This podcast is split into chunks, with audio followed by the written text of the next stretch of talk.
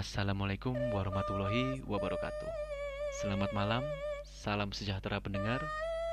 Kembali lagi bersama saya Aswin di podcast Horror FM. Terima kasih yang gak bosen dengerin suara saya. Terima kasih yang gak uh, yang nggak bosen dengerin podcast Horror FM. Ternyata pendengarnya lumayan. Jadi saya juga lebih bersemangat lagi untuk bikin episode-episode selanjutnya. Seperti itu ya. Untuk yang pengen kirim ceritanya, bisa langsung ke email podcasthorrorfm@gmail.com atau di DM Instagram podcast horror FM. Silakan juga follow Twitter juga ada, bisa dicek di deskripsi. Oke ya. Terima kasih banyak sebelumnya. Uh, untuk cerita yang ke-13 ini episode ke-13 ya maksud saya. Episode ke-13 ini datangnya dari Mas Rian. Mas Rian terima kasih banget. Jangan sungkan kirim cerita lagi ya. Mas Rian ini kebetulan basis jadi sukses terus buat bandnya juga. Tak perlu berlama-lama lagi langsung saja ke episode 13 kerja malam.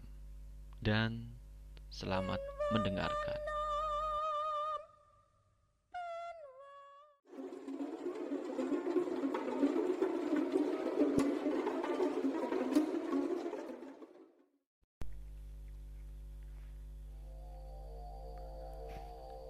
Jadi, saya bekerja di salah satu perusahaan desain interior dan advertising.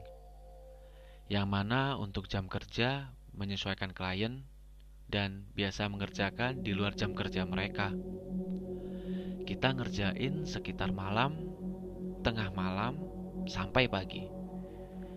Pada waktu itu, kebetulan dapat klien dari salah satu provider dan harus bekerjanya malam Sekitar jam 9 baru mulai. Saya ngebatin. Ah, alamat, sampai pagi nih. Begitu dalam hati. Oh iya, saya di sini bantu pasang wallpaper. Jadi di dalam ruangan. Singkat cerita, jam 2 kerjaan saya selesai. Tinggal nungguin orang pasang neon box yang berada di depan.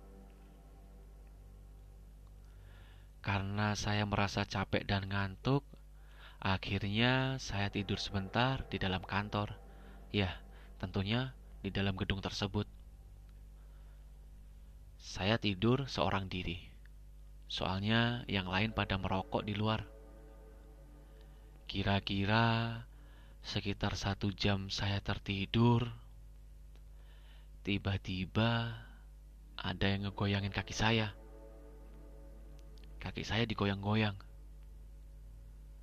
Ya, aku kira emang dibangunin. Tapi ketika bangun dan membuka mata, loh, kok gak ada siapa-siapa? Di situ masih positive thinking. Ya, meski bulu di leher ini agak merinding. Singkat cerita, masuk nih di waktu subuh. Saya putuskan untuk sholat subuh. Dan kebetulan musola ada di lantai dua. Dan aku izin ke atasan. Mas, saya sholat sebentar ya. Dan disautin tuh. Oh iyo Yan, engko nek ono wong wedok jangan kenalan. Oh iya Yan, nanti kalau ada orang perempuan ajak kenalan. Aku ketawain aja, tak kira bercanda waktu itu. Waktu ambil wudhu di dekat musola, ada hal yang aneh. Waktu itu aku merasa gak tenang. Waktu ambil wudhu, ada yang lewat-lewat di belakang. Ya, saya rasa seperti itu. Perasaan saya bilang, ada yang lewat di belakang. Tapi aku tetap cuek. Singkat cerita, aku pun bergegas untuk sholat. Tapi, selesai sholat, waktu salam, dan pas nengok ke kanan, kok ada mbak-mbak berdiri. Dan itu jelas banget. Aku kaget Tapi waktu nengok lagi, dan mbak itu sudah nggak ada. Langsunglah aku buru-buru turun.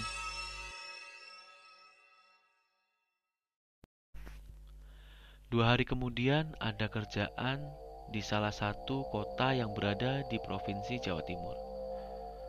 Ya, masih dengan provider tersebut.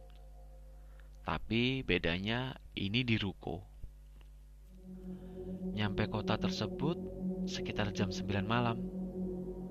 Dan bekerja mulai jam 10 malam.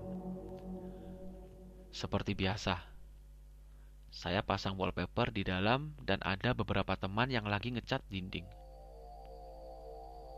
Ketika wallpaper udah terpasang, saya merasa ada yang aneh. Di situ jelas saya lihat ada jejak tangan kecil. Ya, kecil banget. Padahal sebelum pasang udah dipastikan bersih semuanya. Waktu diukur, Jelas dong, tangan teman-teman gak ada yang sekecil itu. Waktu sudah menunjukkan jam 2 dini hari. Mas-mas yang pasang wallpaper di atas bilang kalau toko sebelah ada mbak-mbak lihatin dari dalam jendela. Singkat cerita, jam setengah empat pagi, semua pekerjaan selesai.